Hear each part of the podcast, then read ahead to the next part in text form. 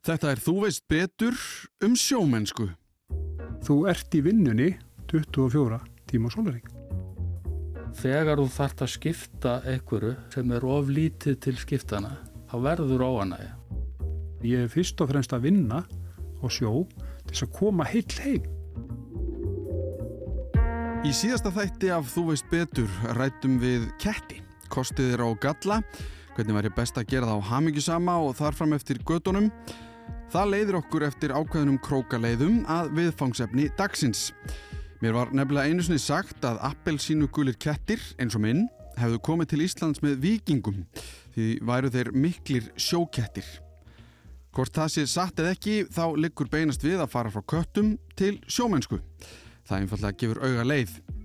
Sjómennska er nefnilega eitthvað sem að ég held að við höfum öll hugmyndum hvað sé. Hvort svo hugmynd sé svo sama og milli okkar allra er frekar ólíklegt en það eru frekar litlar líkur á því að við sjálf höfum einhver tíman stundað sjómennsku. En þó eru allar líkur á því að við höfum einhverja tengingu, hvort sem það er í gegnum fjarskildan frænda eða frængu eða bara foreldra okkar. Sjómennska og fiskveðar eru okkur í blóð borin, annað væri í raun stórfurulegt verandi eiga út á miðju Allandshafi. En hvað þýðir það að vera sjómaður? Hvað hefur það þýtt í gegnum tíðina og hvað hefur breyst varðandi sjómennsku og öllu þessum árum síðan að fólk kom til þessa lands? Til að svara þessu hef ég fengið til mín Valmund Valmundsson og Holmgeir Jónsson sem þekkja þetta inn og út svo við settumst niður og þeir lefðu mér að spyrja sig eins og landkrabbin sem ég er. Áður en við byrjum á sögunni fá við kynningu frá viðmælendunum sjálfum. Já, ég heiti Valmundur Valmundsson og er formaður sjómanna Sambands Íslands, búin að vera það síðan 2014. Þar aður var ég formaður sjómannafélags við Sjötus í Vestmanni, þar aður var ég búin að vera á sjó í 33 ár, þannig að ég kannast aðeins við málefni. Já, ég heiti Holmgeir Jónsson og ég starfa hjá Sjómannasambandi Íslands. Byrjaði þar í ágúst 1985 og er svona lokasprettunum þar. Og ég var lítið á sjó, slasaðast á sjó þegar ég var ungur. Fór í land náttúrulega og breyttum stefnu og endaði hjá Sjómannasambandin. Þegar náttúrulega landásmenni komu með skipum, auðvitað, það náttúrulega kemur sjómannska við sögu og náttúrulega fiskveiðar hefur verið stundar hér á landi bara frá landnámi. E, Jafnvel fyrir því að hér voru vist papar á þennu þeir komu og hver veit nefna þeir voru kannski meiri akkuríski menn en þeir komu siglandi líka. -hmm. Þannig að sjómannskan er okkur í blóðu bórin held ég. Já, já og við sko auðvitað kannski þyrti sagfræðinga í þetta en við veitum náttúrulega að fiskur hefur verið borðaður á jörðinni lengi og við þekkjum merka bók sem er ég er umlega 2000 ára gömul þar sem menn breyttu og veitu fisk mm -hmm. við veitum í biblíuna þannig ég held að við höfum stundað veiðar alla tíð síðan við komum hinga hven, hven, hvenar sem við komum Já. og ef við förum þá út í bara hvernig það vera, var að vera sjómaður eða fara á sjó þarna erum við bara að tala um árabóta og net eða, eða, veist, eða Sko, spjót eða Já, kró- króka vantarlega Já. sko, Net kom ekki til söguna fyrir löngu senna. Já, ok, þannig að þetta er einhvers konar bara krókar sem við erum Já. og þá bara á stöng eða margir krókar eða Nei, líklega bara, sko, það eru til uh, upp í þjóðminnesafni eru til önglar úr tre og það er svo bara vaður sem að eru ofinn úr hverju eða rossári einhverju sem að menn komust í þegar það alltaf var eins og mann vita úr kannski söguna Saldós Lagsnes að hérna, það að vera snæri stjófur það þótti höfuð glæpur hér á öldum áður. Því að snæri var svo vermætt til að geta veitt með því. Þannig að þetta er sko svolítið skrítið saga en, en auðvitað þegar, þegar, þegar þróast meira veiðarnar að eftir 1800 kannski þegar fyrir að koma að lína með fleiri önglum á. Verður þetta þróast, svo koma netin í kjölfur á því og bátarnir verða starri og allt það sko. En, en fyrst og fremst er þetta árabátar í alveg fram að aldamótunum 1900 það er ekki fyrir velbátarnir koma 1902-3 eitthvað svo Já, leiðis fjögur, Eða fjögur. Já, eitthvað, í kringu það ég, ég man það þegar ekki velbáta öld hefst á Íslandi. Þannig að að fara að fara að þróast meira En þetta hefur verið gert bara eins og maður stundaði veiða við bryggjuna heima í gamla daga með, með öngul á, á spotta og, og svo dorgaði maður. Einmitt. og þá kannski bara eins og að því þú veist ég farið í bara sjóveiði þú veist einhvers staðar, ég man ekki hvar það var þar sem ég fór út á svona trillu og maður var með einhvern öngul og maður gæti eiginlega bara mokað upp sko Já, já. fisknum þetta hefur þá verið bara svona, þú veist, einhvern veginn þannig já, já, já, já. hún segir það. Að því við tölum um árabáta en það eru hann skútur veist, áður en að við tölum um vélbátavæðinguna kannski hann Já. kringum 1900 að þá breytist bátkosturinn að því leiti að það fer í kannski bara stærri báta sem fleiri geta verið á í einu Já, það fer svona upp úr 800 fara að koma þilskip, Mhm. mm sem sagt skútur. Það er sem sagt skip sem eru með lokað, eða sem sagt með, þil, með hérna, þilfæri. Já, þá, já, einmitt, Já. þá rými undir Já, lokað sko. Þannig að, og það, þá hefst skútuöldin Mhm, og, og við komum svolítið svona í hana líka, Íslandingar, mhm. og það er alveg skútu útgerð hérna framundi 1920 þegar voru komni tógarar bóttförpungar, svo kallar veiða með trolli, þessast bóttförpu uh, við, tó, við erum svona svolítið seinir auðvitað hérna, öldum áður, áður, áður þegar voru hérna allara þjóða kvikindi að veiða hérna við landið. Mhm. það er þekkt að frakkar voru hérna margar aldir að veiða já, á einmitt. skútum með mitt og þetta horfðum við á hérna út um uh, á, í fjörunni hjá okkur að þessi stóru skip sem voru að veiða miklu, miklu meira heldur en við gáttum nokkuð tíma veitt. En það kannski helgast af því að þeir sem áttu skipin í þann tíð voru yfirleitt bændurnir sjálfur eða þá bisklustólanir eða eins og í Vestmanneum þá átti konungur alla vestuðina og hýrti þar allan fisk sem kom á land. Já, Þannig að við, við höfðum og höfðum heldur ekki tækifæri eða áttum ekki skóa til þess að smíða stórskip, við verðum að kaupa það annars stað frá en, en, en þannig að þetta er svolítið lengur að þróast í okkur heldur en, heldur en annars stað bæði tækni skipa, skipa hérna, starriðnar og, og, og veiðitæknin sko. og er það að miklu leiti að því að eins og þú nefndir að þetta er einhvers konar sjálfsþurtar búskapur þetta er bara þetta er einhvers konar auka grein við það bara að vera kannski bóndi Já. Já, þetta, Ísland er náttúrulega bændarsamfélag lengst af og, og þá nota bændunir tíman svona þegar minnst er að gera að róa til fiskjar mm -hmm. og já, einmitt að því þá já, afla matar þa þannig já, og síðan auðvitað eh, er það ég sjálfsagt sko biskups eða kirkjurnar sem eiga jarðir og eiga þá útræði þar eða hvernig það er. Ég- og En- útræðið er þá bara svona þá ertu með að þú átt land og það er kannski leiðir að sjó og þá Já. máttu fara þar út á bát. Já, en Já. auðvitað viljum taka fram að ég er ekki sagfræðingur nei, nei, allt er allt í góðu. Þannig að maður kann þetta ekki alveg en, en þetta er svona í kollinum á manni svona. Já, að því að það, ég held að sé kannski bara mikilvægt að því að ég held að fólk sem að, ég menna ég fættist 1986, ég þekki ekki annað en að séu bara útgerðir sem eru bara fyrirtæki. Það er rosa lítið af fólki sem ég þekki sem að kannski er einhvern veginn að nota það sem búbót við bara sitt heimilishald eða eitthvað slíkt. Já, já, En mér langar smá til þess að fara út í bara hvernig það var að vera sjómaður þarna.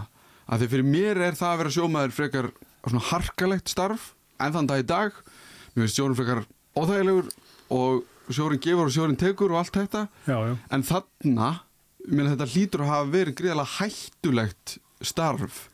Sér, þú veist, sérstaklega við förum 500 ára aftur í tíman eða hvernig sem það er og hér við land bara út á miðju allansafi einhver staðar á árabóti eða einhverju, einhverju lítilli skútu. já, það, það gefur að skilja, þetta var þetta þannig og það sem við þekkjum og þær sögur sem eru skjálfestar, tala ekki um eftir að skútuöldin byrjar eða eftir 1800 Mm. þá er til rosalega mikið heimildum um sjómennsku á Íslandi. Uh, hún er vörðu afskaplega döprum staðlendum um hvað margir farast til sjós á Íslandi. Já, Alveg framundir sko síðustu aldamót þegar við förum að snúa þessu við og, og nú þykja það ekki tíðindi þó að enginn farist við sjó á Íslandi á hverju ári. En hérna áður fyrir, ég, meina, ég byrja á sjó 1977 Við minnir á því ári hefði farist yfir 20 sjómenn. Mhm. Uh, ég man ekkert eftir öllu þessu skipsi eða eftir, eftir þessum mannskuðum af því að þetta þótti bara vera bara partur af programmet sko. já, að færust menn við störf til sjós og svona var þetta í örglegi margar aldir. Sjó, eins og þú sagðir aðan, sjórin gefur og sjórin tekur. Mm þannig var bara viðkvæði sko. Og langt fram eftir öllu þá kunnu íslenskir sjómenn ekki synda. Því að það var meira sér talið þannig að það væri bara til þess að lengja döðastríði en menn kynna að synda. Þannig að við getum rétt ímyndaði hvernig þetta hefur verið að þetta öldum áður sko. Og tala um að róa á opnum árabátum þó þeir hafi margir hverju verið svolítið stórir en menn höfðu ekkit annað heldur en vöðva uh, aflið til þess að koma sér í land. Mm. Það var ekkit annað í bóði. Nei, og svo voru, voru hérna, veðurspár Já, ekki, veðurspá. ekki klárar þannig að, Nei.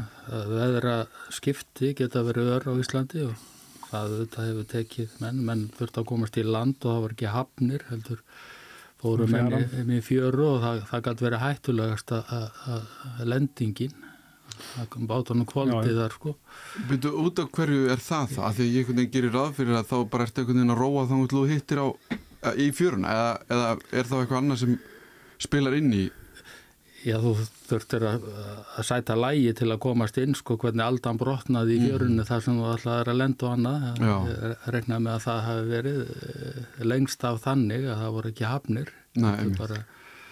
Fannst góðan stað þar sem það var gott að koma skipinu í land. og- Mjúk lending, sandfjara eða, eða malafjara og ekki mikið að skerjum í kring til að það helst fyrir. og, og þarna líka sko er ekki, ég meina menn eru búnir maður hefur heyrt um selskins klæðnaðin allan ég meina Já, já. lópin, þú veist við þekkjum kannski þetta íslenska sem að verndaði kannski menn fyrir veðrinu ef þeir voru í bátnum eða þú veist, Já, bara fyrir veðrum og vindum en kannski þú fórst ofan í þá veit ég ekki alveg hversu gott er að vera í öllu þessu dóti Nei, guðminn almáttur og svo kunnur ekki að synda se- að. Sko. Já, þannig að þetta er einhvern veginn þetta er frekar hráslaðleg svona tilugsun Já, já, vissulega, vissulega. en bara eitt svona viðbútt þegar þeir eru á árabótunum, eru þeir bara fisk og fiskurinn, það er bara hann tekin ofan í bara bátinn og liggur bara einhvern veginn á milli allra og séðan er bara farið með hann Já, það er og, bara þannig Já, og yfirleitt líklega bara blóðgæður sko og kannski gert ánum ef það hefur verið tími til þess. Svo er bara róið með til land og þetta er sett í, svo kallar er svo oft gert í, það var seilaðu saman á línur og dregin svoleiðis í fjöru eða honum kastað upp í fjöru eða það var gott viður. Seilaður er- saman? þar er- Já, seilaðu saman og setti kannski 20 fiskar á einhverja línu sem er svo dregin í land Já, eða fleiri eða hvað sem það var. já. Og, svo, og svo náttúrulega er aflinn tekin í fjöru og þar er honum skipt. og við erum alltaf að fara yfir söguna við munum fara hérna hennan hlut og, og skiptin og allt þetta Já, kannski aðeins betur og eftir en það er samt alveg dálítið merkilegt að allavega það er frekar langt síðan að við byrjum með þessari skiptingu Já, Hver fær hvað? Það verðist vera, já. Það er til heimildur um það að það byrja mjög snemma. En þá erum við bara að tala um fólk er bara að líta á sem mat og fólk er bara aðeins þess að afla matar við erum ekki að tala um peninga Ekki, ekki beint, en, en, en auðvitað er þess einhvers virði en, einhvers Já. kannski fiskur sem við áttum ekki salt hérna í margar aldir, sko. Mhm. En það var náttúrulega fyrst og fremst var fiskur þurrkaður og sem skreið og, og var þá ágættis í gjaldmiðil, raun og veru. Já, það fegst fyrir þetta eitthvað annað sem að hérna, skiptir við köpmannin og laðir inn skreið og feist eitthvað í staðin, sko. Mjólk og sigur og kaffi eitthvað þannig, ekki mjólk heldur sigur og kaffi sem við. Mhm. og, og það er ekki finnir setna að salti kemur við fyrir að salta fisk þá, voru- þetta voru geimslaðaferðar sko. Já. og ef við förum þá við erum skútunar koma að því að vela, velskipa öldin eða tímin það er náttúrulega Já. við getum horta á þannig. Þá breytist Þá breytist bæði allt. fisk, vinslan veiðarnar og náttúrulega sjómennskan gríðarlega mikið. Já, ef við reynum að kannski setja þetta í eitthvað samíki sko, fyrir sjómannin sem bara starfið hvað er það helst sem breytist til dæmis þegar bara vélvæðingin á sér stað? Við byrjum að sjá tógara og, og allt þetta. Uh, sko þegar, þegar velvæðingi byrjar þá upp á 1900 þá er byrja á því að velvæða þessar litlu báta, það eru settar eða litlar velar og þá hættu menn að þurfa að róa. Uh, gáttu verið fljótari á miðin og fljótari í land og allt það. Og menn voru ekki þreyttir þegar þeir komu á miðin eftir róðurinn. Það og voru svo ekki að drepast úr þreytu þegar þeir komu heim eða sem sagt komu í land. Mm -hmm. Þá var náttúrulega komnar vísir að höfnum bryggjur viða út um land og svo náttúrulega þegar þetta skeður með það að fara að setja velar í tilskipin og svo koma tógarnir og þeir eru í átni þótti mörgum mjög skrítið. Finnst mörgum mörgum en já. En ok, en, en svo þegar tógarnir koma þá náttúrulega breytist öll aðstæða fyrir mannskapin, það eru verður með þína kóju og, já, og það er kokkur sem eldar hann í mannskapin og allt hannig mm -hmm. en, en eins og hérna áður fyrr bara á 19. öldin, 1800 eitthvað þá var ekki til síðis að taka með sér mat til sjós Nei, því þú ert ekki að fara að vera þarna það lengi þú Nei. ætla bara að veiða og fara Já. í land aftur menn tókum með sér svo kallaði sírukútur eða blöndukútur, það var hérna misa, Já, misu blanda á kút sem menn gáttu fengið að súpa þeir eru þýstir þannig var það nú ekki sem menn höfðu með sér það er kannski ekki að þessi langar mest í þegar þið eru þeistur, en já, ok.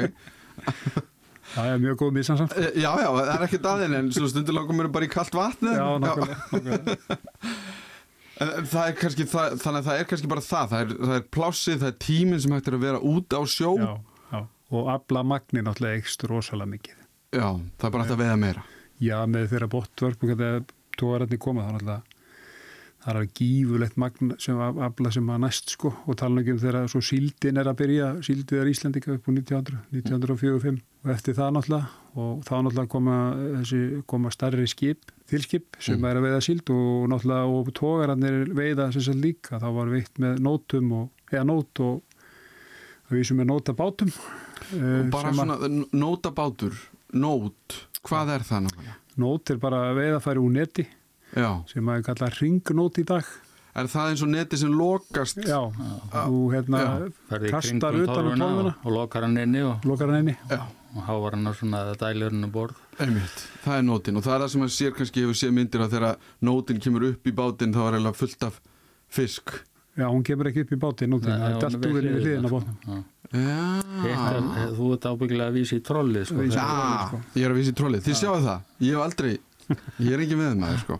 Um, sko fylgjandi þessu, þú, þú ert komið tógar á þessu stærri báta, fylgja veiðafærin með, segja, segir fólk, herðu, við erum komið þessu stærri báta sem geta þetta, við þurfum að finna leiðir sem að kannski hámarka getuna á bátunum. Já, uh, þróunir var rosalega hröð á þessum tíma Mm -hmm. uh, í veðafæratækninni náttúrulega komið, ára komið net og það komið lína langlína þessu kölluð sem er beitt í landi yfirleitt með einhverju agni og svo hann er lögð og það er kannski fleiri, fleiri þúsund krókar sem eru lagðir í einu. Og það er í raun bara að þegar maður hefur reynd náttúrulega eins og beitiskúr sem, og já. myndir þar sem að fólk uh, er að beita, Beita. Bara, bara endalaust af unglum sem er verið að setja á. Já, og það er í raun bara það sem við vorum að tala um áðan kannski þess að að fara á, á sjóveiði nema bara búið að stækka það þúsundfalt eða hvernig sem það er. Nákvæmlega og þú ert bara í raun að setja þetta út og býða þetta að fiskurinn býti á og síðan dreifur það inn. Já. en er þá ekki sjómennskan þá verður hún ekki þá alltaf sér hæfðara, hæfðara starf sem slíkt? Að því allt innu breytist tæknin það, þú ert ekki lengur kannski einhver gúbi eins og ég sem gæti bara fara út á bát og svona bara hýft upp. Ég er ekki að segja að þeir, þeir hafa verið gúbar heldur bara að ég gata og það kannski gata bara sumt fólk á þess að pæla mikið í því. En þannig er þetta orðið, við erum búin að tala um nót við erum að tala um troll, við erum að tala um línu miklu stærri bátar. Að einhver leiti miklu hættulegra líka því það er alls kyns svona sjálfvirkni komin í gang. Já, já, já, já. ég er bara að pæli að því maður hefur heyrt um sjómannaskólan og allt þetta. Hvenar byrjum við að hugsa, heyrðu, við þurfum að menta sjómenn sérstaklega? Uh, Já, það er sko annar angi á þessu. Og það byrjaði að menta hér skipstjórnarmenn uh, bara átjóndur og eitthvað. Þá voru til sjómannaskólar hérna við að bæði Reykjavík á Ísafyrði byrjaði held ég fyrstu skipstjórnarskólinn þar held ég. Svo viðar út um land þar sem menn voru mentaðir í skipstjórnarfræð vegna þess að þó að menn væru klárið til sjós og allt þannig þá var ekki verðaðir kynna átt að vita líka sko Og svo náttúrulega þegar vélarnu og komum vil að það koma. að koma þá þarf það að menta einhverja sem kann á vélar. mm -hmm. þá er hvað komið að hu- vélstjóri Já, Já. það er- Og velstjórarnir sko áður en að vélarna komu þá voru segl líka notuð Mm -hmm. og þá voru til sérstök hérna, yngrein sem hétt segla saumari eða segla saumur mm. og þá var fullt af liði sem vann við það og ég sé alltaf að velstjórnir hafi verið segla hérna í Galanda sko. þeir eru ekki dánað með það sem við hverjir að, að, að því ég veldi bara fyrir mig að því að maður veit um þessi hlutverk í dag út með hásetið, síðan eftir með fyrst stýrimenn, skipstjóri vélstjóri, þar ég er að gleyma auðvitað einhverju, en ég er að velta fyrir mig bara eins og í gamla dag, þú veist, hvað gerði sjómanna góðum sjómanni, hvað gerði skipstjóra góðum skipstjóra, hvað var það sem að, að að maður hefur heyrt þess að hlutum að þú veist, fisk, aflakló skilur við, þú veist, og eins og þetta hafi verið einhvern veginn yfir skil sko, eitthvað skilningavit sem að bara sumt fólk fæ, fættist með Já. og aðrir ekki. Við getum bara tekið dæmi af tógara mennskunni þegar hún var að byrja. Mm. Þá voru engin lög um það hvað menn, hérna, hvort að menn þurft að kvíla sig eða ekki Mm -hmm. það var bara staðið þá getur menn döttu niður sko. Það er dæmum að menn hafi staðið upp í fjóra-fimm sólarhinga sko á dekkinu, í aðgerð eða í gera við veðafæri. Og skipstjórinn náttúrulega, hann stóði líka með hann að kallandi stóðu og kannski hendi sér í klukkutíma á nóttunni eða eitthvað.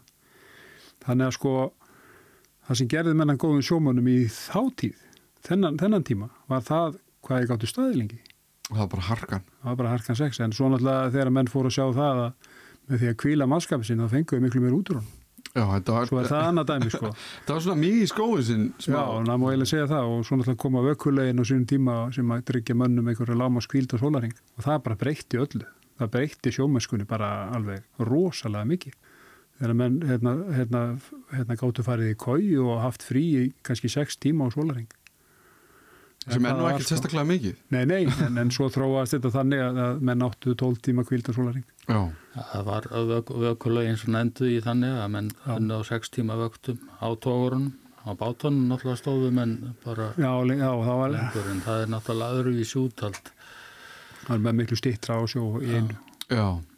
Og vökulögin, hvenar, 50 og hvað, 4-6 ég maður. já, eitthvað þar um bil. Já. Sagan þá af, við erum komið með tógarna, við getum verið lengur úti á sjó. Sko, að því þá er ég bara að velta fyrir mér, ok, þú ert sjómaður í kringu þennan tíma. Hvernig er starfið? Sagt, þá meina ég, hvernig er vinnutíminn? Hvernig er mánuðurinn? Er búið að ákveða að við erum út á sjó þarna og síðan fáið þið helgarnar í frí? Eða, eða, þú veist, hvernig, Nei, nei, Við hjálpið þér. þú veist, ég er bara að velta fyrir mér, sko, ok, ég ætla að vera, og þeir eru þarna, uh, og ég segi þeirra því að ég gerir ráð fyrir að það hafi verið gríðarlega, þetta hafi verið mjög kallag stjætt Já, þarna Og er enn. og er enn, en, en sko, ég bara velta fyrir mér, að því að ég las nú eitt, texta sem þú sendið mér að, þeir voru nú þokkala margir, einhverju 7000 eða ég man ekki hvað, þarna eitthvað kringum 1900, bara hvernig var vinnu, vinnunni háttað? Varstu, varstu með sumafrí? Að, þú veist, ég skil nei, ekki. nei, nei, það er ekki komið það. Það var, það var engin með svoleiðis, hvorki til sjósni land, sko. En, en, hvernig virka? Fó, fórstu út á sjó, sem komstu tilbaka og var síðan sett bara, heyrðu, farað heim að sofa við förum aftur út í fyrramáli. Já, Já, og svo er það veðrið sem ræður því bara, það er bara áið þeirra veður leifin og ef það var bræla þá, þá gáttum menn kvílst en uh, annars var bara unnið. Já, það er bara þannig. Það var þannig. Já, Fyrstu- sem sagt, já það var þannig, já. fyrstu árin í tógarútgerinu, alltaf bara, þetta er einu veru bara hörmunga já. Því að það með engin vissin eitt, þú reyðstu bara og þar með varstu búin að fyrirgera mjög miklum rétti, mannréttindum, raun og veru. Mm Því að útgerinn og skistunum riði bara nákvæmlega yfir þessu. Og þú fórst ekkit í frí, þú bara rerir meðan það var róið. Og ef þú myndir vogaðar að beðið frí á, á þessum árum, þá hefur bara fyrir að leita þar annari vinnu, sko. Þetta er, þetta er langt fram eftir allir öldinni, sko, sem þetta er svona. Ég við getum bara tekið, sko, þetta er ekki bara sjómennskan, að ég vinnu, var ekki vinnu tími á viku, svona þegar að fara, það var hann í kringu 60 stundir, þegar Já. ég er að byrja að vinna þá er 44 stundar vinnuvika, Já. sem breytist svo í 40 stundar vinnuviku, þannig að þetta er þróun sem gerist allstaði, sko, það var bara unnið þegar það var hægt að vinna og þurft að Já, vinna. já, Já. þetta er En það er kannski bara að sjómennskan var, já, ég meina, ég á mjög erfitt með að ímynda mér, fyrir utan það náttúrulega kannski að vera bóndi, þú veist, sem er að, menna það er fullt að hættulega hlutum þar, en ég get bara ekki ímynda mér hættulegra starf, svona heilt yfir, heldur en sjómennsku fram til ásins 1900, hvað ég var að segja, ég veit það ekki alveg, ég tók hérna viðtalið þau sem stofnuðu Slisavarnaskóla sjómanna og var það ekki 92? Nei, Nei, aðeins það fyrr. er áður, sko. Já, En, en þetta er alveg rétt hjá þér og, það er líka sko, auðvitað, þetta er mjög hættulegt starf og hefur alltaf verið. Svo náttúrulega koma strísárin, sérstaklega setni strísárin. Þegar við erum að sigla með fyrst í Breitlands til að, til að hermanna og liði í Breitlandi hafa nú eitthvað að geta. og, og þetta var það góð sem tíð fyrir sjómenn. Það var mjög hátt fiskverð og allt hannig, útgerina, en fórneinda voru náttúrulega svakalega sko. Og Já. það týndust bara, viðst, við mistum jafn margar hlutfarslega eins og margar aðra þjóðir í stríðinu. Já, og það er einmitt eitt sem að ég talaði nú við Leif Reynisson sem er sérhætt í setni heimstöldinni og þá sérstaklega á Íslandi að, og hann nefndi með þetta að mannfall íslenskt Já, er meira og minna sjómenn. Já. og sem er ekki alveg eða sko það virðist og við stundum gleymum því sko. Já, já, eins og Ísland hafi bara verið algjörlega hérna frítt, eða sem hvað segir maður komist algjörlega undan. Já, verið hlutlaus bara og ekki gert neitt sko, en, en það er nú ekki þannig, en við lögum til mikið af, af mat fyrir og fæðu fyrir breska heimsveldið á sínum tíma Mhm. í stríðinu. Mhm.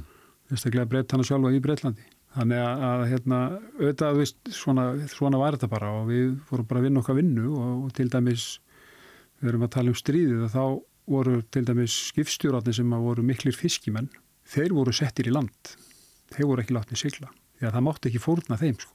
Það voru aðrir látnið sigla fyrir þá og teknir aðri skipstjóra til að sigla skipunum með fiskin á, á markaði Englandi. Því að þeir sem voru bestu fiskimennir voru skildir eftir heima. En hvað er það sem gerir þá þarna að bestu fiskimönnum sem dæmi? Þegar við erum búin að nefna sko einu sinni var það harkan. Já. Er þetta einhvern veginn að því að sko auðvitað byrjaru að þekkja Mhm. sjóin, þú veist, þú, þú ert bara, þú ert út að stunda sjómennsku og þú, einhvern veginn, veðrið, vindar, hvernig einhvern veginn allt Já, já. saman er og við erum búin að tala um veðurspá og hún var kannski ekki upp á marga fiska Nei, nei, ekki fram eftir öllu. ekki fram eftir öllu og, og allt þetta sko, eins og þessir aðilar er það, er það bara einhver kunn er það hérna hvað er það, var það hérna kunnu í staðaráttum skilur, er þetta bara nú, það? Nú getur maður kannski ekki alveg sko, dæmt um þetta en, en það hlýtur að gerast bara að menn, menn velta fyrir sér náttúrunu, fisk, gengd og, og þekkja miðin, menn, menn stútar þetta mis mikið, sumir, sumir stútar þetta vel að þeir vita hvenar kemur fiskurinn hingað og hvenar kemur að fatna. Þetta er þetta bara misjátt, þetta er eins og þegar þú ferði í veiði, Mm. sumir veiða meir en aðrir Já, já, í, í ánum og það er vegna þess er? Af menn, menn velta fyrir sér bara hvernig hagar fiskurinn sér. Já. Það hlýtur að vera eitthvað svoleiðis. Já Já, bara alveg eins og kannski veiðimenn á landi velta fyrir sér hvernig ég meina, eru við ekki með leðsumenn upp á Hálendi sem eru að hjálpa fólki að veiða hérna reyndýr eða þú veist, eitthvað Jú, jú, jú. Þetta, Þetta er allt, bara- þetta er allt svona og þetta snýst um að vera svona til læs á náttúruna Mhm. Já, og ég- það er ekkert að, hérna, ástæðuleysu til dæmis að við tölum um vertíð Íslandingar. Því að vertíðin var frá svona byrjun februar og fram í, fram í mæ, Mhm. vertíð til sjós þá voru, þá voru menn sendir í ver, til dæmis bændundi voru senda vinnuminna sína í verið Mhm. til þess að vera á sjó og afla tekna fyrir, fyrir búið og það var einmitt þessi tími og vertíð er lokur alltaf 11. mæ Og svo gerist það þá náttúrulega vita menn það að fiskurinn er að ganga á miði til að regna þá og- gengur hann á grunnið og það gerist sko líka alveg fram í okkar tíma meðan vertíði voru stundar hér í Vestmannum, suðu með sjó, að þá koma menn að norðan, var minna að gera þar Mhm. á þessum tíma til að fara á sjó. Og þá þurfti meiri mannskap á flótan, það var netaveiði á, á netaveiði á, á bátaflótanum Mhm. og þá koma menn að- úr öðrum landslutum til að fara í vertíð mikið bændur eða þeir sem fara svo heim hann í kringum mæ þegar söðburðin byrjar til að sinna búinu. Já, svo náttúrulega eins og í, á hérna þessum útráði var hérna sögum sjó og, og eigum og, og það, þá fara, svo fara menn á, síldaverti yfir sumari þegar síldin var að ganga á miði fyrir norðan. Og árið í raun skiptist bara út frá hvaða fisk er hægt að veiða á hvaða tímabili? Já, við getum sagt það. Já, og er það er í raun hægt að veiða allt árið um kring. Já, já, það er náttúrulega voru vertíð og svo tekum við sumarvertíð Já, og þá ertu bara að tala um mismöndi Já. fyrstegundu sem er á hverjum tíma. Já, en þetta er auðvitað allt breytt í dag, sko. Þetta var uh, netavertíðin, þá fylltist hafnið þannig svo ég, ég bjóði Grindavík og þá var sko komu skipa norðan og, og hérðan og þaðan og réru frá Grindavík. Sama gerist í Sandgerði, Vestmanni mm -hmm. já, já, og, og Já, meina það, fólk fer þar sem fiskurinn er eða Já. það sem er hægt að Já, róa eða þannig, það, það, það, þetta er vetravertíðin og hér áður fyrir þetta já þegar við erum komin næri tíma þá er, er sko þá eru þrjár árstíðir í raun og veru það er, það er vertíðin sem að eins og Arndur sagði 11. mæ er, er svona lokadagur lokadagur Mm. menn voru oft eitthvað lengri svo var 15. september það er sömatími sem sagt Mm -hmm. og svo fram áramótum og hlutaskipta kerfið menn voru semst á hlut því var skipt í þessa þrjá búta Part, já, fyrst. Já, það er ekki eins og í dag að það sé mánuðurinn eða túrin já, Vexta já, ekki að útborga fyrir en eftir vertíð sko. Já, er það? Já. já, Þetta eiginlega leiðir mér fallega í að því að ég mér langaði til þess að byrja að velta fyrir, við erum búin að tala um þegar það var skreiðin, þú veist og þetta var einhvern veginn, ok, við getum skipt fyrir kaffi og sigur eða eitthvað, en auðvitað breytist þetta í samtalum peninga eftir því sem líður á, þú talar um útgerðir hann í byrju 1900 þegar við erum komin í vélavæðinguna. Og þannig að þá eru komið fyrirtæki sem eiga bátana og þau ráða til sín starfsfólk. Og hvernig byrjum við þá að hugsa heyrðu, hvernig ætlum við að borga? Hver eru launin? Og þetta eru ekki laun eins og við þekkjum veist, þetta er ekki, hvað segir við, grunnlaun eða eitthvað, þetta er ekki, heyrðu, skrifandi hennar samning og þú færð x mikið pening fyrir að vinna þessum bát á mánuði. Heldur er þetta þú færð borgað eftir því hvað báturinn veiðir Já, er það ekki? hvað verðmættin eru. Já. og það er eftir að við seljum hann eða gerum eitthvað við hann eða hvað, eða Já, nei, það getur líka verið fyrirfram sett hver verð og hvert fisk eða hver kíló. já, bara, já, ok, ef þið vel já, einmitt, eða, þú farð ákveðin hlut af því. já, Uh, þetta byggir náttúrulega fyrst og fremst á því að menn er að skipta uh, áhættu. og sko nenni að útskýra það aðeins fyrir mér af því að ég einhvern veginn hugsa það þannig að áhætta sjómannsins er töluvert meiri ég skil að það búið að kaupa bátinn það búið að setja peninga í reksturinn en að einhver leiti finnst mér þetta kannski ekki alveg 50-50 áhætta. En var það sagt bara ok til þess að þetta gangi upp þá verður við bara að gera þetta svona við sjómennina, eða hvað? Ég, nú, er, ég, er ég kannski að fara út að hála nýs hérna? Nei, nei, alls ekki. Nei, nei, við. svipurinn okkur báðum var svona eitthvað ok, hvernig ætlum við að takla þetta Já, ég vissulega, sko, en, en sko í byrjun, uh, svo vorum að tala um kannski fyrstu heimildur um hlutaskipti, þá er þetta þannig að það er skipti í fjóra hluti. Það er svo kallega þrýr hluti sem eru dauðir, sem að ganga ekki til mannana um borð. mm -hmm. Það fyrir eitt hluti þeirra, svo er eitt hluti fyrir krókin, eitt fyrir vaðin eða spottan og eitt fyrir bátinn. Þannig að við erum að tala um þessu fjórskipt. Þannig að þá áttu sjómenni 25% af þeim afla sem fiskaðist. Skipið, eða útgerinn átti hitt sem til að standa ströymakostnaðinu við skipið við veiðafærin. Svo þróast þetta í tímasrás og aldanarás og allt það sko. Og svo endur við með þetta hlutaskipta kerfi sem við erum með í dag. Mm. Og eins og ég sagði það, þannig í grunninn er þetta það að við erum að skipta áhættu. Þetta snýst um það. Við erum að taka þátt í þeirri áhættu að vera sjómenn og gera út og vera í vinnu hjá útgerramanni sem á máti sem við erum á, skilur við. Þannig er, þannig, þannig er þetta í grunninn. Svo náttúrulega hafa komið upp efasemdur um það hvort að við ættum að vera með hlutaskiptaskerfi til sjós e, í þessu, þessu nútíma samfélagi sem við erum með í dag. En það hefur enginn geta sagt okkur hvað við erum að hafa í staðinn. Það sem við kannski ættum að skoða til að hafa í staðinn, það er náttúrulega að vera að mæla vinnutíma sjómanna. Og leið að við förum að tala um það við útgerðarmenna, þá segja þeir bara nei. Því að ef við ættum að setja sjóminn á tímakaup, þá væru þau líklega á að herra kaupi heldur en við í dag. Já, einmitt. Því að þú ert í vinnunni 24 tíma á sólaring. Já, Þú ert á sjó. ég, já, ég meina þú ert, þú getur ekki bara út af sjó.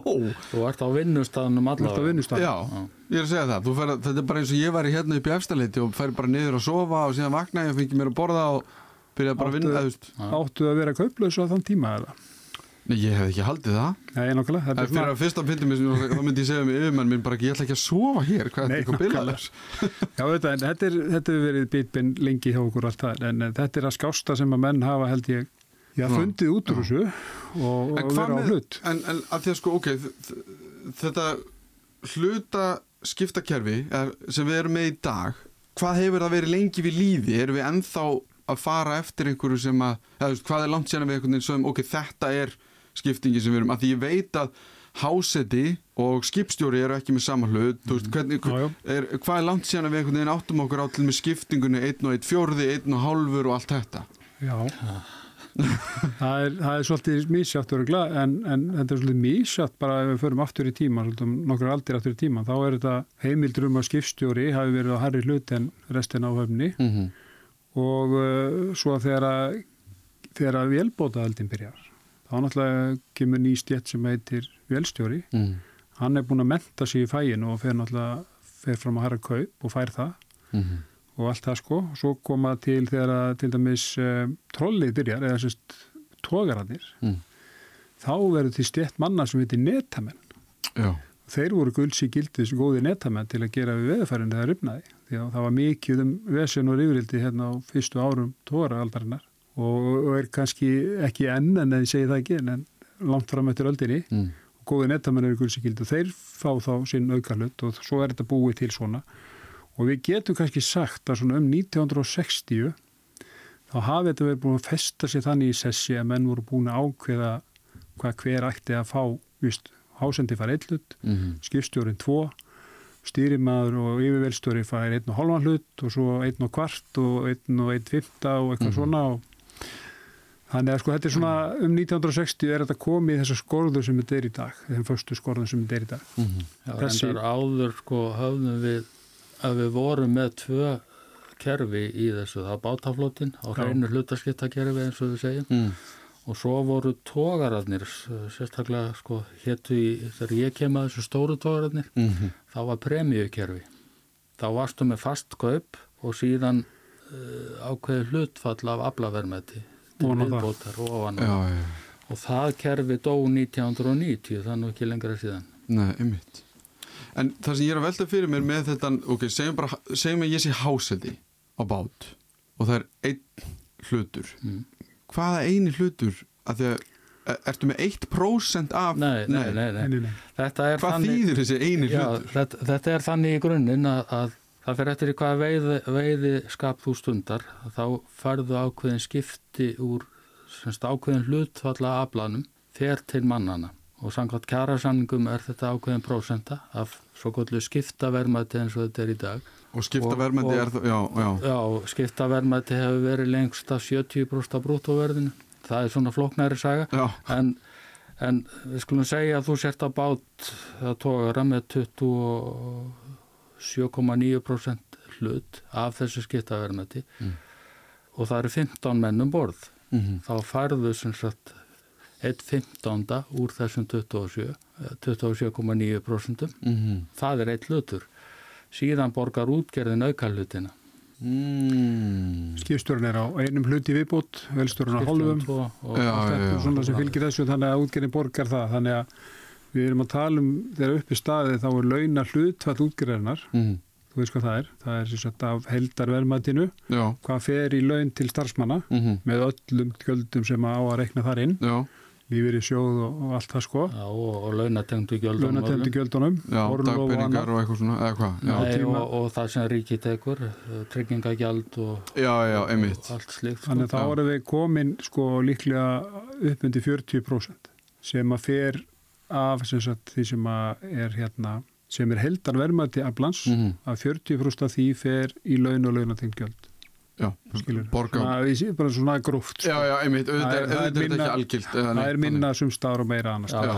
og, þá er það bara meða við fyrsttegundir. uh, Eða, sagt, að, því ég... afla verðmæti já, svo er sko Já, fyrst, já, þá meina ég bara, af, af hverju er þetta mismunandi á sögum, þú veist, ég skil ekki okkur, þetta er ekki bara svona herðið. já, ein, ein tala. Já, eða þú veist, það myndi það ekki einfalda Já, þetta. myndi einfalda þetta hellir Jú, jú, það, það, það gerir það og þetta er, þetta er kannski svolítið flókið en auðvitað fór þetta svolítið eftir sko, skiptaprósentan hún lækkaði eftir sem skipist hækkaði og það var vegna þess að þá jökust afkvöstin á skipinu. Skipið sjálft var kannski dýrara, dýrari rekstri Mhm. en það aflaði meira þannig að þó að skiptapróstan lækkaði þegar skipist hækkaði Mhm. þá gæti verið að hásettin hefði betri laun heldur en á minnarskipinu af því að afkvöstin eru meiri.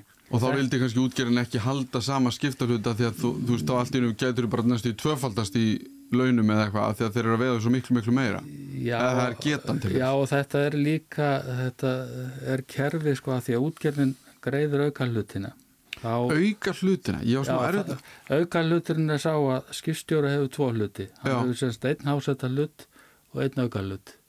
Já, ok, það er kallað hefur einn, einn og halvan hlut, Mhm. hann hefur einn hlut eins og hásettin, en síðan halvan aukahlut. hlut í viðbútt. Það er auka hlutin sem við kallum. Já, sem útgerðin borgar. Já, sem Já, útgerðin borgar. þannig að útgerðin er að segja við, þú ert skipstjóri og við ætlum þá að koma til móts við þína sérþekkingu eða eitthvað og borga þá meira fyrir og, það. og þá gerðist það að þegar fækkaði ef að kom einhver tæknu, fækkaði um borði í skipi Mm.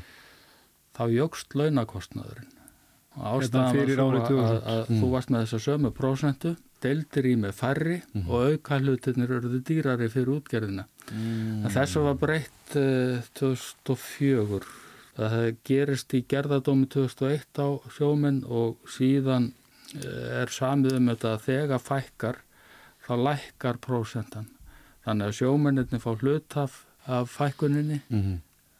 þeir sem eftir eru Mm. útgerðin líka Mm. þá lækkar aðeins launakostnaður í útgerð þegar fækkar. En þetta var alveg svona til já, 2001, eh, 2004 sem að þetta gerðist að þegar fækkaðum borða þá jógst launakostnaður. Já. Fyrir mér þá hefur einhvern veginn sjómanstarfið alltaf verið þessi, menna ég heyrði Helgi Seljan hérna sem ég byrjaði að vinna með fyrir löngu, hann fór alltaf á sjó á sömurinn að því að þú veist alltaf að það, þetta væri einhvern veginn starfa ef þú yfir höfuð gast komið á sjó, þú veist þú fegst tækifæri til þess að því að það er nútildags ekkert hlaupið að því að fara á sjó. Það er ekkert mikið að plásum en þá var þetta mjög hagkvæmt. Eða ég veit ekki, á ennsku verið það lukrativ en ég veit ekki, Já. þú veist að þú bara gætir farið á túr og fengið þóldi fínan pening. Mókaðin seðlum. Sko. mókaðin seðlum og bara unnið þessu skeppna Já, já, og bara mókaðin seðlum. Og það einhvern veginn fyrir mér var það pínu síðan ég fættist og byrjaði að vita hvað sjómennska væri hugmyndin um sjómennsku. Já, já. Það var ekki alltaf verið þannig samt sko. Nei, alls ekki. En það, það sem ég veldi bara fyrir mér er að sjómennska og ég meina ég gerði hérna þátt um kvóta með honum herði eins og ég talaði um það hefur á síðustu hundra árum ef við tökum bara frá vélbátavæðingunni eða vélvæðingunni gríðarlega mikið breyst í sjómennsku. Já, og við tölum um áhættuna hann í byrjun og hlutin og allt þetta var enda við erum að reyna að deila eða, eða, já, áhættunni mm. að í dag erum við að tala um fyrirtæki sem eru allt í einu miljarda einhver batteri við ætlum ekki að tala mikið um kvóta við ætlum að reyna að skauta þetta alltaf fram hjá því að, því að það er eldfind umræðefni helst í hendur líka samt. Þetta helst vissulega hendur. Ég, er- ég er að reyna að ergja sem fæsta að því að um leið og byrjar að tala um þetta þá verður pínu, þá byrjar að skipta fólki í hópa. En öll þau sem hafa hort á verbúðina þau vita hvað gerst þegar það verður framsælinlegar aflaheimildir e- eða kvóta, hérna, er ekki orðið orðið rétt? Jú, jú, uh, ég er ekki að segja að verbúðin sé 100% sannsöguleg en það getur verið að byrja að fólk sapnar að sér kvóta og það gefur tækifæri til að það fyrirtækin verða miklu stærri, þau geta gert miklu meira, getur veit miklu meiri fisk og síðan náttúrulega bara að tækifæri til að selja til útlanda bara tækifæri til þess að græða meira á fisknum eru Já. aukin til muna. Já, í dag til dæmis þá eru öll þessi stóru fyrirtæki þau sem sagt eiga en að gæða sjálf kótan Mm. mm. afnóta rétt á honum sem er náttúrulega í lögum er það ekki þjóðaregn Íslendinga er jú, jú, og þess vegna segja að þau afnóta rétt já. þau eiga vinslutnar líka sem að vinna fiskin á skipónu þeirra Mm og þau selja líka sjálfur til útlanda Já. og eiga þá jafnvel fyrirtæki í útlandum sem að kaupir aðeins fiskin Einmitt. þannig að þetta svona, setur svona tortrygni, hún, hún verður svolítið í þessum, þessum, þessum málum Já. sem er bara eðlegt með hvernig, hvernig þetta er byggt upp Mm en á móti segir útgerinn að það sé mjög mikils virði að virðiskeðan sé öll á sömu hendi Eh, þetta harmonar illa við hagfræðina hjá sumum sko að allt sé á sömu hendi því að þá sé minni sangefni sem er örgulega alveg rétt. Og allt, allt, allt með það. En eins og við erum að tala um þá er byggist hérna launakerfi sjómanna upp á hlutaskiptum. -hmm. að við fáum hlut af aflaverðmætti á móti útgerinni Mm -hmm. til þess að vita hvert aflaverðmætti er þá þurfum við að hafa fiskverð. Uh, fiskverð er byggt upp á tveimur hættu á Íslandi. Það er sem sagt í, í bóttfiskinum þess að torskís og kóla og karfa og öllu þessu. Mm Það er á markaði, fjárhálsumarkaði sem fiskur er sendur á markaði og svo eru, er það ákveðið einu sinni í mánuði, í fjórum tegundum, torski, ísu, karfa og öfsa -hmm. af úrskurðan sjómann og útlismanna eftir ákveðinu, fyrirfram ákveðinu kerfi Mm þar sem við ákveðum lámasverð til þeirra sem er að kaupa fiskin af sér sjálfur. Það heitir viðmiðunaverð. Þetta er Já, vera. Þannig af því að að annars gæti bara að vera hægt að segja, heyri, við ætlum að, já, ég ætla að taka þetta úr hægri hendina mér og setja í vinstri og ég ætla að borga já, einn það aur eru er ákveðna það. fórsendur hvernig við förum að því. Já, Hér, hér lengsta var velasráð sjávarútvisins sem ákvað fiskverð mm og það var auðvitað, menn horfðu kannski að sömu þætti og við erum að horfa á, það er afverðaverðið, gengið Já, Mhm. og í hvað aflinn fer, er það saltað frist eða fest. Til, eða ferst svo fórum menn uh, auðvitað að sigla með þetta á, á Breitland, -hmm. Þískaland og síðan þarna upp úr 1985 þá byrjar gámavæðingin, þá fóru að senda fiskin út í gámum, Mm. ferskan. Ó- óunnin. Á- óunnin. já, einmitt, bara á ís. Og, og 1987 eru síðan stopnaði fiskmarkaðir hér á landi. Við höfðum enga fiskmarkaði, þetta var bara selt. Já, þeim sem vildi kaupa eða, eða útgerð og vinsla var á sömu hendu og kefti bara sjálf fiskin og þá var þá var sko lámasverði sem ákvað bara hvað sjómaðurinn fekk fyrir fiskin Mhm. og fiskverð er náttúrulega stóri hluturinn í launum sjómana Mhm. og er þar af leiðandi eilið að deiluefni hvort að það sé rétt Og ég kannski spyr að þessu af því að þegar ég talaði held ég við þig valmyndur í síman þá var ég að, eða annarkotni ykkar allavega, Já. þá var ég að segja að ég hef verið í klippingu tímann Mm. og við hliðin á mér í stólnum kom síðan sjómaður. Og ég, verandi eins og ég er gat ekki látið tækifærið hlaupa frá mér, þannig ég byrjaði að spyrja bara, hvernig er að vera sjómaður í dag? Af því að fyrir mér var hugmyndin ennþá þessi sem ég var að lýsa hérna áðan. Þetta eru bara gull og græni skóar og þú ferð á túr í, í hvað sem það er og sem kemur tilbaka og þú bara kaupið nýjan bíl. Og þannig er það í hvert einasta skipti þessi ringekja mjög einföld sín auðvitað. Og þessi maður var það sem maður myndi kalla sjómaður í húð og hár. Þetta er bara, hann hafði byrjað á sjó ég veit ekki hvenar og hann þekkti eða ekkert annað. Þetta var bara það sem hann fílaði. Þannig að starfið held ég var eitthvað sem bara honum líkaði vel við, hann bara vildi ekkert vera neist annar staðar. En það var einmitt þetta sem við erum búin að vera að tala um sem að fór í töðunar á honum. Af því að við erum búin að tala um að hluturinn og allt þetta en síðan er eitthvað annað sem að ákveður þú ert kannski að sigla í land og þú veist hvað er búið að veiða mikið og þá ertu með einhverju tölu í haustnum en síðan er það bara allt í hennu breytt Já, þegar þú ert komin í land. Og allt í hennu er búið að segja já nei við hérna seldum hann á þessu veði þannig að launin er búin að læka um 200.000 eða ég veit ekki hvað.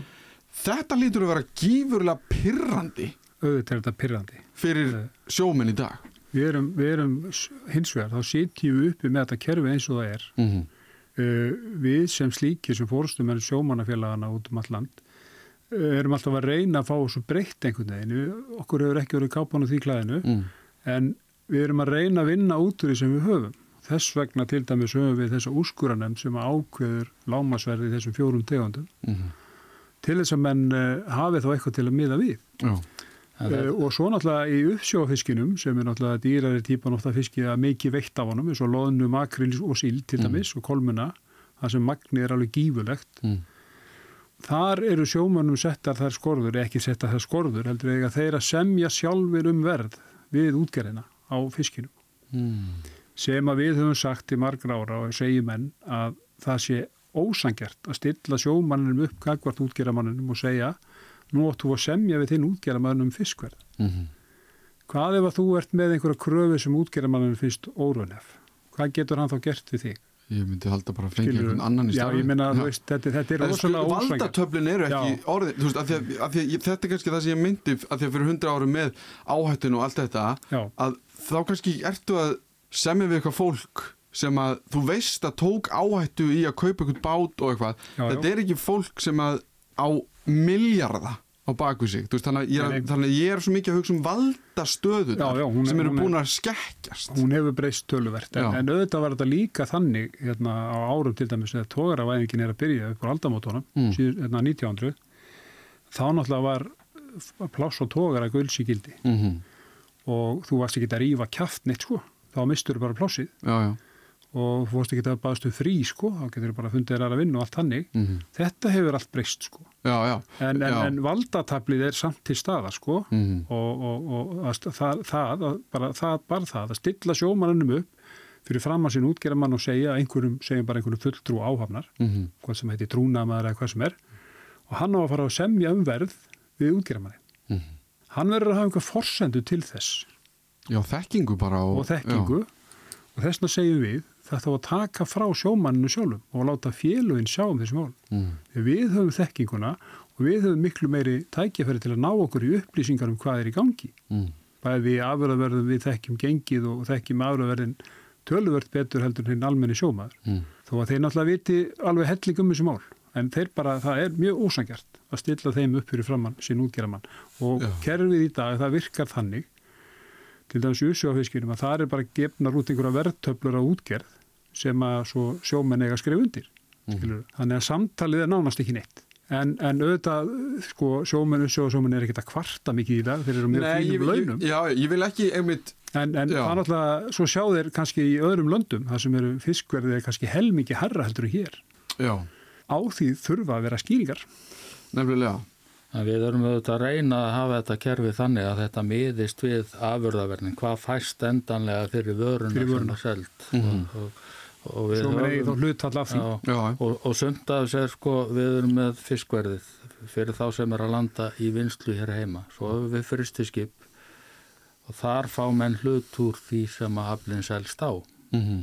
Beint. Þannig að þeir eru tengtir bara beint markan og auðvitað þessi viðmöðunaverð sem við erum að búa fyrir, til fyrir þorskísu eru miðuð við ef við tökum svona nokkra þætti það er markaðinir hér heima Mm. hvað eru þeir að gefa verðið er herra þar eh, hvert er hvernig þróunum og afurðaverðinu og við skoðum þetta allt og reynum að Já, vera skynnsamir, Já. en þetta eru menn ekki alltaf ánæði með það sem við erum að gera, það er bara þannig, eins og með allt annað. Já, já. Já, það er ekki hægt að gera allasáta en, en þetta er bara, mér finnst þetta svo áhugavert þessi dýnamík, sko. Nei, það, það sem var áður, uh, að því ég myndist á velars á sjávarsins, það var bara mikil óanægja með það. Mm. Mönnum fannst einhvern veginn að me- menn væri ekki að fá rétt fiskverð. Mm. Þannig að fiskverðið er svona búið að vera deiluefnið lengi vel í þessu, því að það mynda launin pluss aflamagnið sem farð og að því að sko þú varst að lýsa síninu um að, að menn fara á sjóin til að verða ríkir Mm. þá þekki ég nú marga sem fóru á sjóun og ætluðu að verða ríkir en því miður það mistókst. Já, af því að það er háð. Já það er háð veiðin Já, þú getur bara farið út og alltaf að vera ríkur og síðan veðist ekki neitt og þú kemur í land og og, og, þetta, og þetta viðkvæma sko þegar kvótakerfið kemur á, ég ætla svo sem að geta farið í það, það er svo viðkvæm Já. en það En hlýtur við getum líka bara rætta í marga klukkutíma. Já, en það hlýtur alltaf að vera viðkvæmt að, sko ástæðan fyrir því að kvótakerfið er tekið upp er það að við erum að ofveiða og ofnýta miðin Já, já.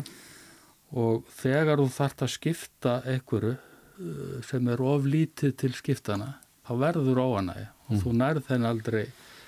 Það, það hlýtur alltaf að gerast Mhm. af því að þú ert að, að, að reyna að, að, að stilla af afrakstus getu fiskistofnana versus afkasta getu flótans og þetta bara það er ekki endalist til að fiski. Uh, ef við trúum því allavega þó sumir haldið öðru fram. Já, og ég meina líka bara að því að ef við, ef við mögulega tökum áhættuna á því að ofveiða, já, þá, þá náttúrulega er þetta þá- bara að fara út um þá- gluggan, þá er ekkert eftir. Já, þá tapar bara allir Ég segi það. Þannig að ég einhvern veginn, í mínum huga allavega hugsa ég að það er betra að vera varkár heldur en hitt. sammála því Ef við förum þá kannski bara smá út í það að vera sjómaður í dag, að því við tölum um hérna að fyrir á tíðum að þá tókst þér ekki frí, þú baðst ekki um frí, allt þetta. Sjómennska í dag, ég veit hún er auðvitað mismunandi eftir í hvaða fisk þú ert að veiða og á hvernig bát þú ert. Já, já.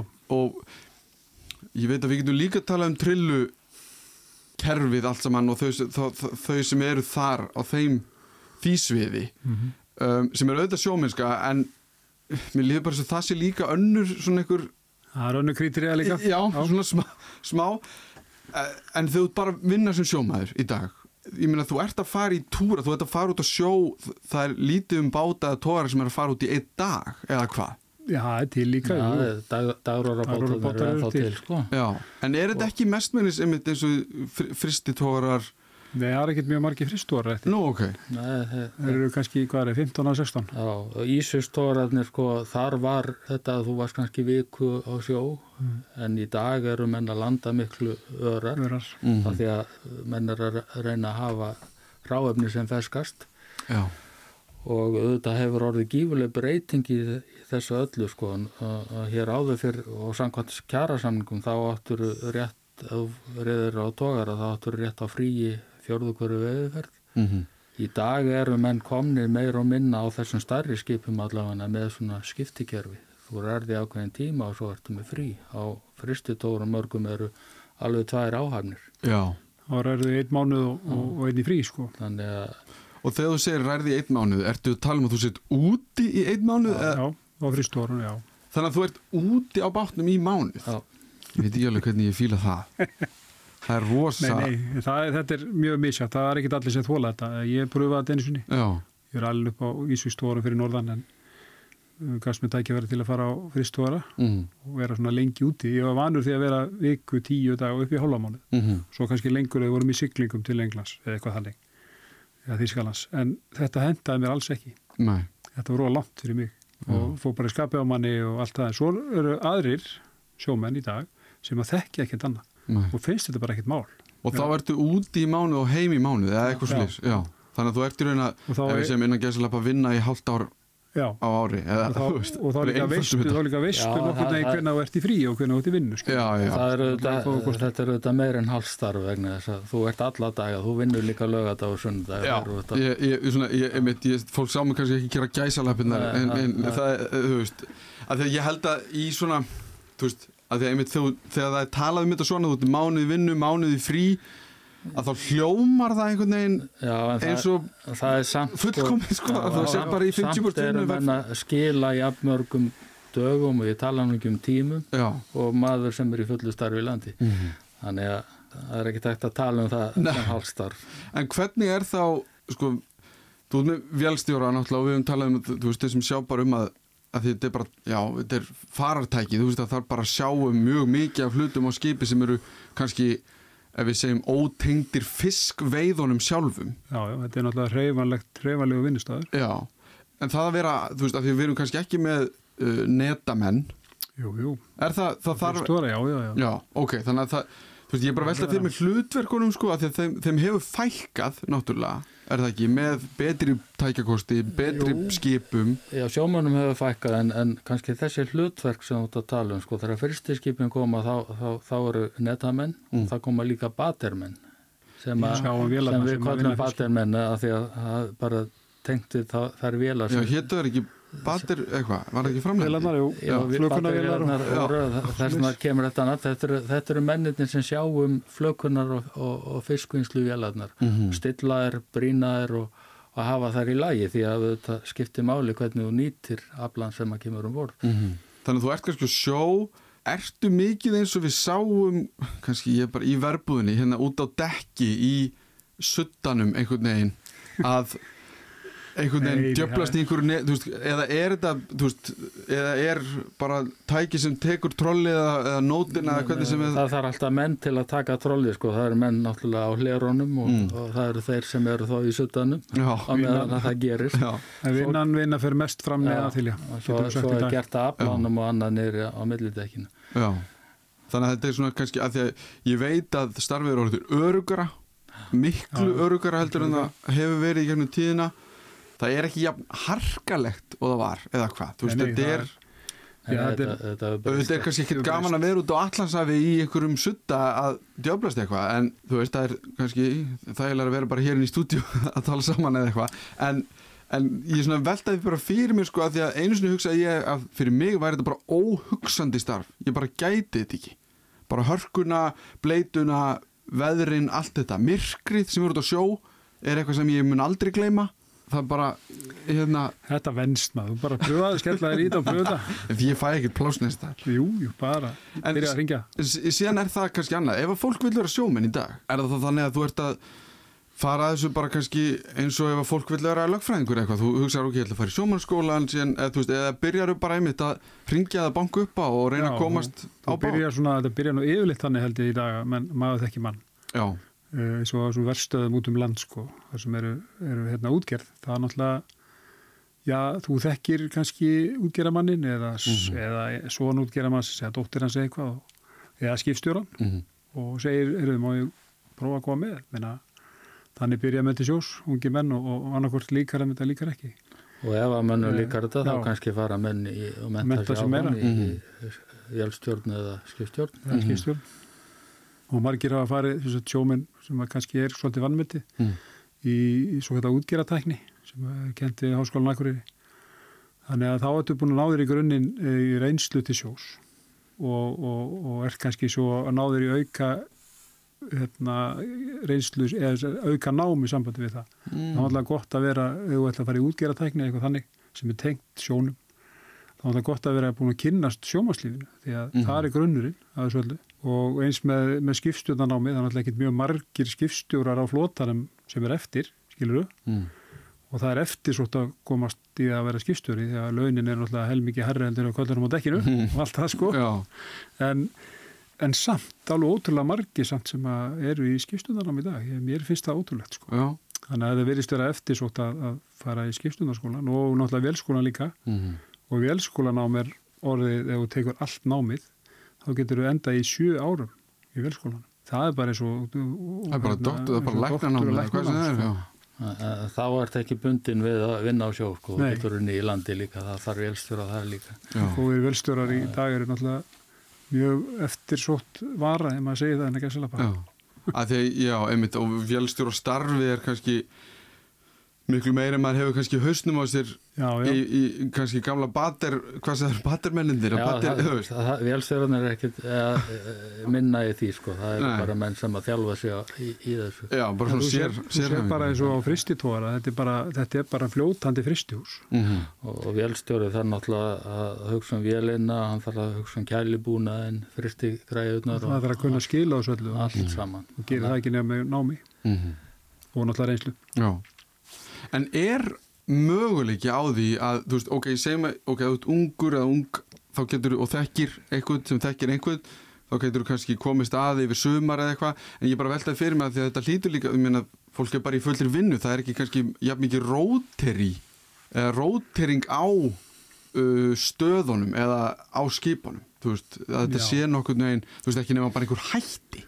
Já, það er þannig sko Já. og svona líka sem að er setur strik í reikningin að fólks fái pláss svona til að byrja með og, og vant fólk og svona Mm. sumarið það er kótakerfið vegna þess að það er mjög margir búni með kótan þegar sumarið kemur og nýtt kótár byrja 1. september þegar þú svo byrjar í skólanum eða þú ert ungum maður eða Mhm. ungona Mm skilur þannig að það kemur þarna smá eyða ekki nema sér gert út kannski einhvern hluta sumri og þá kannski vilja einhverju verið í fríi Já, já. að þeir sem eru fastar á nýjum borð Mm þá komast einhverju aðri að sko en þetta er miklu minna en það var í raun og veru -hmm. hérna fyrir Og það er náttúrulega líka sem árum. gerst er að sjómönnum hefur verið að fækka út af tæknibreitingum. Mhm. Þannig að aldur sjómanna, mm. sjómönnum voru yfirleitt ungir. Þegar ég fór til sjó, sko, þá held ég að kallin í brunni hafi verið elstur eitthvað rúmlega 30 eða kannski hátt í fertugt. Mhm. Núna hugsa ég að meðalaldur sjómanna sé svona yfir fertug já, Mhm. og það er náttúrulega vegna þess að það eru færrum borð.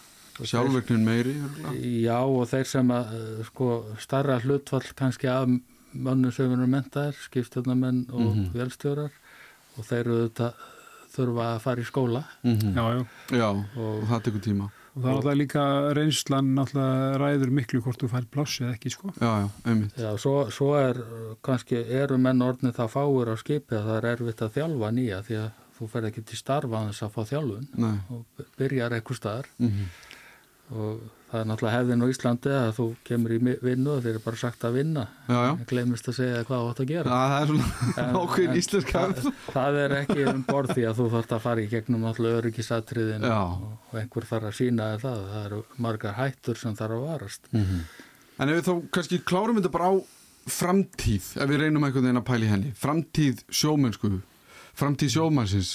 Hve, þú veist hvað sjáum við fyrir okkur þar? Er þetta bara, sko, er þetta sérhæfðara starf alltaf? já, Já, miklu, það miklu, hlýtur miklu. að gerast Já, það skeður með hverri kynslu til dæmis nýra skipa sem kemur við séu hérna þegar komu nýji ísistórni hérna sem byrjum bara að gera út núna mm. og hérna fer engin maður honni lest lengur hérna áður fyrir var, var þetta yfirleitt svona eitt að hættu mestu störfunum um borðið þessu skipum að vera að vinna í lestinni vegna þess að þar eru kerin eða körin á, alltaf á reyfingu og menn voru með kassa hérna áður fyrir voru að fá út í hausinn og fljúa á hausinn þetta er slift og ógeslegt sko.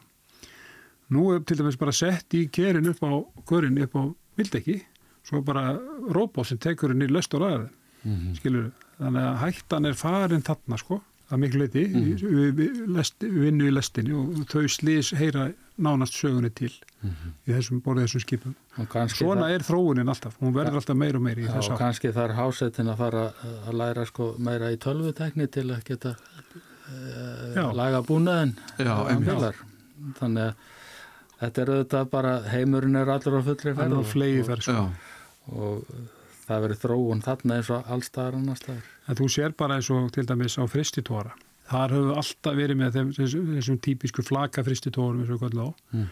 Það eru alltaf verið með 25-27 mann áhöfn. Það hefur ekkit breyst frá þessu tóra kom um 1980 og hvað, 7-8 eitthvað. 85, 85 er 1985 er fyrsti, fyrsti tórin mm. Þannig að sko sjálfvirkni er komin það líka en hún er fyrst og fremst til að auka afkostin og leta þessi erfiðu störf eins og til dæmis þú ert að taka pönnu sem er 20-30 kíló hendinin í fristitæki og svona, þetta er alltaf sjálfvirt mm -hmm. og kassarna sem, koma, sem kemur út í fristitækjanum það er slegið úr sjálfvirt ef þú veist hvað það er og fer sjálfvirt inn í kassa mm. sem er svo bundið fyrir og svo er þetta sett á bretti bundið yfir brettin og svo er liftar sem tekur við þessi lastinni um, sko mannshöndin kemur miklu miklu minna við sögu heldur en hún gerði mm -hmm. og það þýðir bara líka eitt í samfættu slísamálin að það fækka þeim stöðum sem við getum slasaði á Já. það skiptir líka máli í þessu. Já, já, 100% og hérna svo náttúrulega fyrir utan það að Sliðsafnarskólin þú verður að vera með Sliðsafnarskólan ef þú fer að sjó. Þú ferir fjóra eða fymta námskeið í Sliðsafnarskólanum áður og átt að fara að sjó en þú getur fengið undan þá ykkur að þrjá mánuði eða sjá hvort þú getur verið sjómaður ekki. Mm. og þar er að kenta umgangast hættunar og komaður upp þannig hugsunarhætti ég er ekki bara á sjó til þess að hérna, ná mér í pening og svona. Ég er fyrst og fremst að vinna á sjó til þess að koma heil heim mm. skilur það á að vera hugsunóttin, það er öryggismenning sem við kallum í dag, hún á, hún á að vera hugsunóttin á að vera þannig. Mm og þetta verður alltaf starri og starri hluti af okkar menningu til sjós. Það, það er þessu öryggismenning. Uh, svo er annamál og líka verið á til dæmis Ísvístórunum það hefur ekki fækka mikið á þeim en þó eitthvað út af tækninníkum eins og var að tala um í lestin og svona mm. uh, þeir segja það við okkur útgerðarmennir og tækni gæjarni, gúruotni til dæmis á Marel það er alltaf verið að reyna að finna upp vél sem að gerir að fiski eins og mannsvöndin mm -hmm. það verður enginn geta gert það en þá en leið og það skefur að setja, finna upp vél sem að gerir að fiski eins og mannsvöndin og er fljótar að því mm. þá fækkar sjómanum, það er nokkuð ljóst en, en sko já. þetta er framtíðin já. Og við veitum ekki hvernig þetta verður veruleika. Og ekki dýst að verði við nokkuð tíman en, en aldrei að segja aldrei sko. En, en þróunin, tæknithróunin er á flegiferð Já, þarna eins og allstað já. það þurfum að fylgjast vel með og kannski þurfum við að fara að metta eins og hún gerur að nefna. Uh, hásetin verði orðin ekki bara háseti eins og við þekkjum hann í dag heldur að við tækni mentaði líka bara tölunafræðingur nánast eða eitthvað já, sko. menn allavega þurfum að hafa kunna skila því hvað menn er að vinna með alls konar tölfur mm -hmm. og, og, og smá tölfur og allt það fyrir fram að sig í allan daginn og alla vaktina. Þannig að menn allavega þurfa að kunna á það búna sem er um borð. Og það kallar á aukna mentun það er bara þannig. Og kannski þá fáið bínu hær í laun vonandi. Sjá til með hlutina þetta. Já Nú er komið að lokum hjá okkur í þetta skiptið við höfum stíð ölduna þrætt á krókin, dreyiðinn trollið hend okkur í hálftíma en nú erum við loks komin í land fulla vittnesku um hvernig það er að vera sjómaður í dag hvernig það geti þróast til framtíðar og hvað við getum gert ef við viljum mögulega prófa að stíga þessa öldu sjálf.